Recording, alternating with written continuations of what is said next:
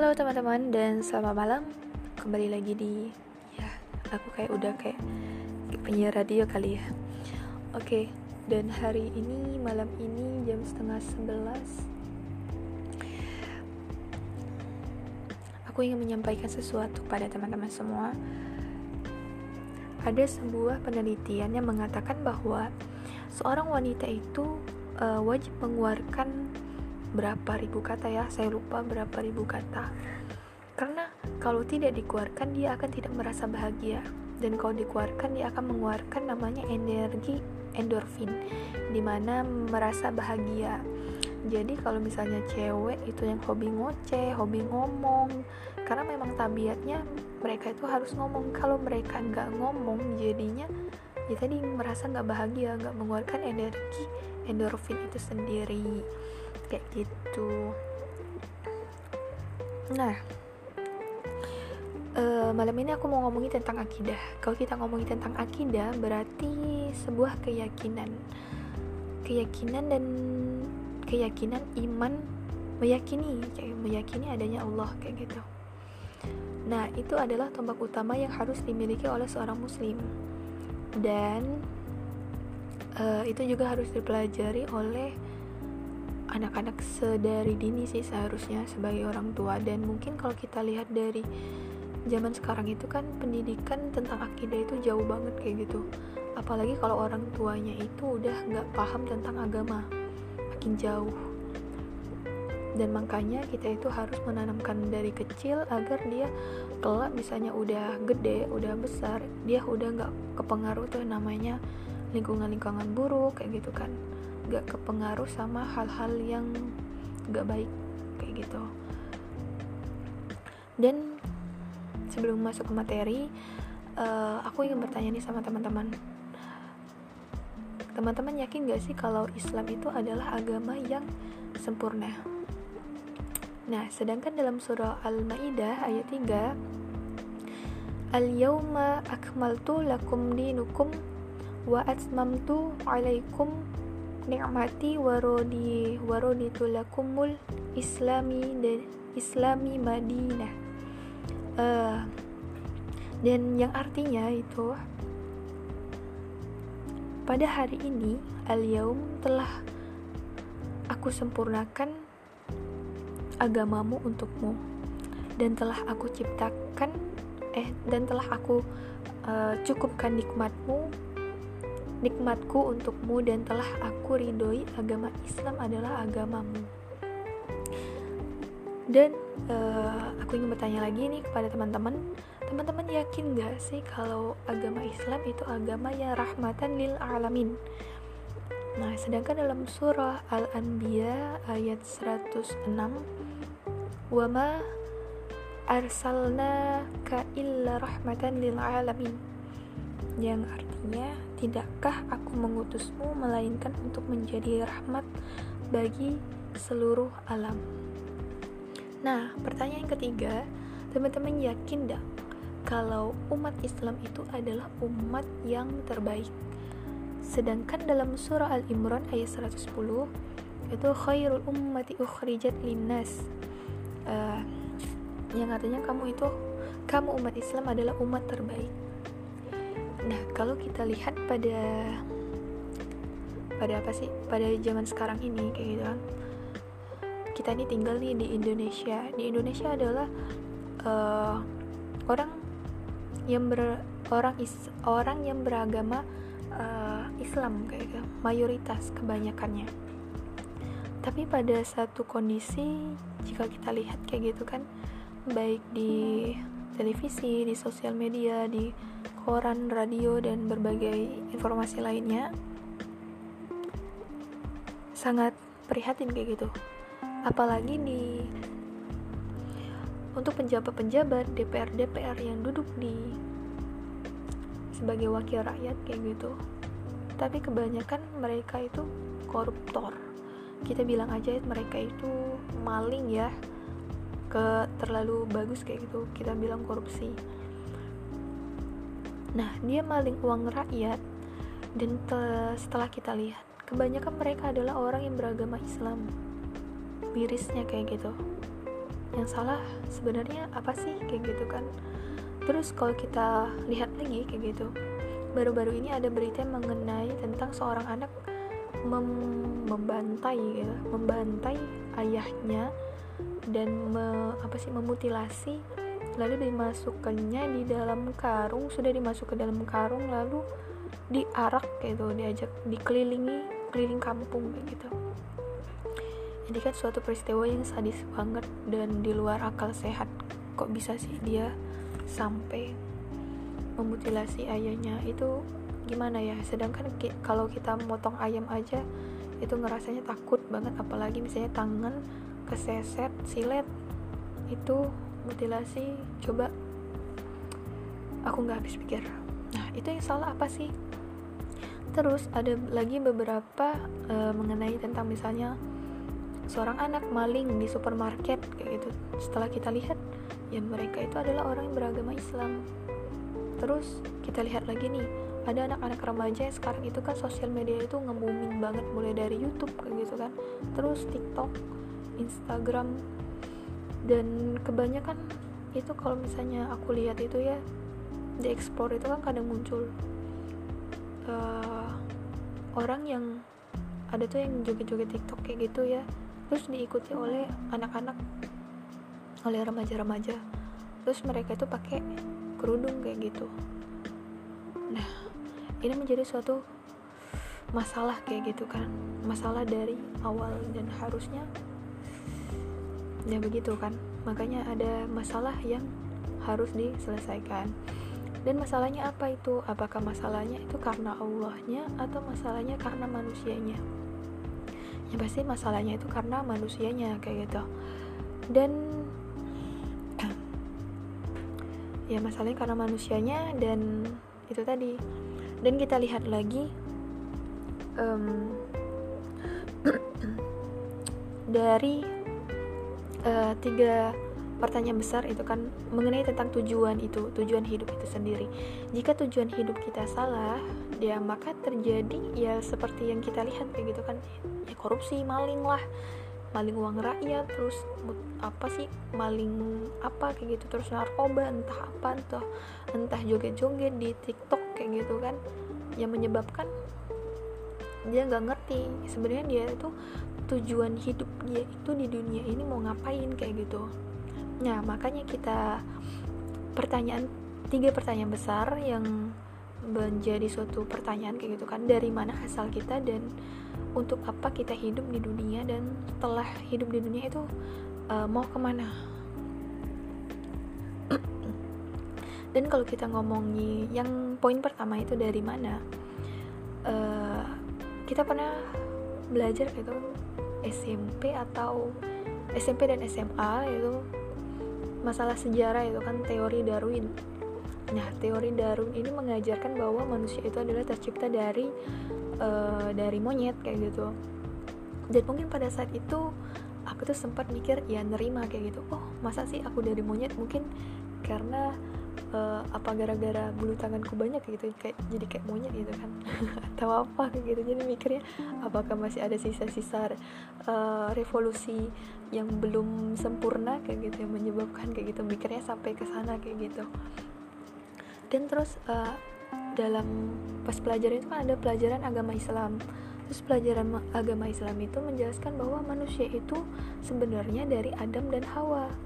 Nah ini kan bertolak belakang sebenarnya sempat mikir sempat pengen cari suatu pembenaran cuman nggak ada tempat untuk mencari suatu kebenaran itu. Yang akhirnya ya udah lewat aja kayak gitu kan. Udah lewat aja dan taunya malah di kelas K. Nah pokoknya itu masalahnya tuh beda lagi. Pokoknya itu uh, sampai mikir astagfirullah. Oke okay, dan kita nyambung lagi ke teori itu dan teori itu tidak bisa membenarkan bahwa kita itu uh, berasal dari monyet. Karena saat ini itu monyet itu masih ada dan kalau misalnya kita dari monyet pasti monyet itu udah nggak ada dan sudah berubah jadi manusia kan. Pasti mikirnya kayak gitu. Dan teori itu tuh sangat sangat fatal kayak gitu. Kalau kita nggak bisa nggak mencari tahu yang nerima aja dan itu sudah menjadi ilmu itu yang kita terima tidak bisa meyakini bahwa kita itu berasal dari monyet kayak gitu. Dan nggak ada buktinya juga dan itu nggak bisa membuat kita yakin 100% bahwa kita itu dari monyet. Nah lanjut lagi. Terus ada yang berkata uh, misalnya orang ateis bertanya sama orang yang beragama Islam atau orang Katolik atau agama lainnya pokoknya ya yang kecuali agama Islam. Nah jika kita jika mereka bertanya terus kita nggak bisa memberi suatu uh, suatu jawaban yang membuat mereka itu yakin ya mereka nggak akan yakin. Misal nih seorang uh, yang Katolik tadi bertanya nih saya kamu uh, dia nanya sama ibunya nih misal ibu aku itu lahir dari mana sih? Ya dari bapak dan ibu. Terus bapak dan ibu lahir dari siapa? Ya dari uh, nenek dan kakek nenek dan kakek dari buyutnya kakek terus ya sampai ke ujung-ujung. Dan akhirnya nggak menemukan satu titik di mana yang bisa membuat dia itu yakin bahwa dia itu ya pokoknya yang nggak bisa membuat dia yakin kayak gitu kan nggak ada jawabannya. Nah terus juga misal contohnya hmm, sebuah uh, seseorang yang menciptakan handphone handphone ini hmm, diciptakan atau menciptakan. Handphone ini pasti diciptakan kan? Nggak boleh ya nggak mungkin menciptakan karena pasti ada yang menciptakannya. Dan handphone itu nggak mungkin diciptakan dengan ya sekedar ciptain aja kayak gitu. Kalau kita beli handphone pasti ada namanya buku panduan. Nah, buku panduan misalnya menggunakan telepon uh, telepon ini digunakan sebagai alat komunikasi uh, terus cara menghidupkannya terus cara menelpon cara SMS, cara membuka pesan, terus cara foto, cara merekam video kayak gitu kan. Itu kan ada ada te tutorialnya kayak gitu kan. Nah, nggak mungkin tiba-tiba uh, kita kalau misalnya handphone itu nggak ada pedomannya kayak gitu. Misalnya kalau nggak ada, misalnya ada pedomannya tapi kita nggak pakai pedoman itu terus ya dipakai se semaunya kita. Misal nih handphonenya digunain buat uh, babit anjing atau kayak gitu. Kan bisa memang bagi untuk babit anjing cuman ya tadi bukan fungsinya. Terus handphone itu digunain buat ngulek sambel misalnya. Ya bisa-bisa aja sih ngulek sambel cuman mungkin agak lama kayak gitu ya. Tapi bukan itu fungsinya nah sama halnya kita sebagai manusia. Manusia itu diciptakan oleh oleh Allah oleh yang menciptakan misalnya oleh yang menciptakan. Gak mungkin diciptakan dengan suatu hal yang uh, apa sih sia-sia diciptakan ya karena pengen nyiptain aja ya nggak mungkin kan? Karena kalau kita lihat dan kita perhatikan kayak gitu kan. Sedangkan dalam surah al-baqarah itu kan menjelaskan tentang berpikir kayak gitu. Sebagaimana kita itu mempunyai akal untuk berpikir Nah, kita itu berpikir bahwa e, nggak e, mungkin Allah menciptakan manusia dengan begitu saja. Jika kita lihat dari misalnya e, penciptaan manusia yang dimulai dari air mani yang sangat najis yang nggak berguna bagi tubuh seorang laki-laki, tapi sangat berguna untuk tubuh seorang wanita. Nah, dari proses itu, jika kita lihat itu kan pernah ada di Instagram. Kalau nggak saya kalau nggak salah saya pernah lihat itu ya. Nah prosesnya itu e, bersel-sel bersel-sel sperma itu berjuta-juta ya berjuta-juta bermiliar-miliar kayak gitu kan. Bermiliar-miliar hingga menjadi sebuah e, satu manusia yang akan bakal jadi manusia kayak gitu. Terus prosesnya itu dari yang kecil banget aku nggak tahu namanya apa ya dalam ilmu kedokteran. Nah berubahlah menjadi manusia hingga membentuk tangan membentuk hidung mata dan semuanya itu uh, suatu yang menakjubkan kayak gitu apalagi kalau misalnya anaknya udah sekitar 8 bulan kayak gitu kan misalnya dia nendang-nendang perut ibunya sampai kelihatan kayak gitu tangannya dan aku tuh kadang mikir ya nggak mungkin Allah itu menciptakan kita dengan sengaja. Dan yang menciptakannya pasti luar biasa kayak gitu. Dan kalau kita lihat lagi dari penciptaan manusia dan yang lainnya misalnya adanya bumi dan matahari adanya terjadinya siang dan malam terus uh, planet kayak gitu kan. Mereka berotasi sesuai dengan porosnya. Dan antariksa dan bintang-bintang di langit. Kalau dilihat itu suatu hal yang di luar pikir manusia. Nggak mungkin uh, diciptakan secara dengan begitunya. Dan yang menciptakannya pasti luar biasa sekali gitu. Terus Allah men uh, dan menciptakan uh, tanaman-tanaman buah-buahan sayur-sayuran. Dan kalau dilihat itu kan banyak banget kan. Mulai dari warnanya yang berwarna-warni dan kalau dalam ilmu biologi itu kan ada yang sesuai dengan kalau warna kuning itu yang mengandung vitamin C terus warna merah mengandung vitamin apa ya lupa. Kalau vitamin warna hijau itu vitamin uh, zat besi gitu kan. Dan itu sesuai memang yang berwarna yang seperti itu biasanya mengandung vitamin C gitu kan. Warna merah yang mengandung vitamin ini kayak gitu. Dan juga kalau misalnya kita lihat bakal biji misalnya biji bunga matahari itu pernah nggak sih ngelihat namanya apa ya? Aku lupa. Itu kayak suatu proses di mana dari biji tumbuh menjadi uh, kecambah terus menjadi uh, bakal batang terus adanya daun terus menjadi tumbuh dan membentuk uh, batang yang kokoh kayak gitu kan. Terus menjadilah bunga yang cantik. Kalau kita melihat prosesnya itu suatu mukjizat ini sebuah tanah loh. Tanah itu banyak kandungannya yang yang sangat dibutuhkan oleh tumbuh-tumbuhan. Dan kalau kita pikir itu ya nggak mungkin kita diciptakan dengan begitu saja. Tanpa adanya uh, pencipta yang lebih luar biasa. Makanya kalau dipikir kalau dalam Al-Quran itu gitu kan? Makanya Allah itu nggak mungkin menciptakan kita dengan begitu saja. Dan kita itu diciptakan memang ada penciptanya yaitu Allah Subhanahu taala. Kayak gitu. Dan yang kedua untuk apa sih kita hidup di dunia ini? Sedangkan uh, Allah pernah berfirman وَمَا خَلَقَتُ جِنَّ وَإِنسَانَ إِلَّا لِيَعْبُدُونَ dan tidaklah aku menciptakan jin dan manusia melainkan agar mereka beribadah kepadaku dan memang pada kenapa sih dalam surah ini yang disebutkan itu pertama kali jin kayak dan baru manusia memang pada awalnya itu penciptaannya itu oleh uh, oleh Allah itu adalah jin tapi karena jin itu sering melakukan kerusakan sering apa sih namanya bertengkar kayak gitu ya. Berperang. Pokoknya kerusakan kayak gitu ya. Dan akhirnya Allah menciptakan manusia. Dan makanya jin itu dilempar ke neraka karena gara-gara dia itu sombong gitu. Nah makanya jadi yang kedua itu Allah men, uh, untuk apa kita tinggal di, di dunia ini adalah untuk beribadah kepada Allah. Gitu. Dan jika kita uh, sebenarnya dalam Al-Quran itu kan menjelaskan uh, tentang sains dan sejarah kayak gitu kan. Sebenarnya orang-orang terdahulu itu sudah melewati masa-masa yang sudah kita lewati kayak gitu.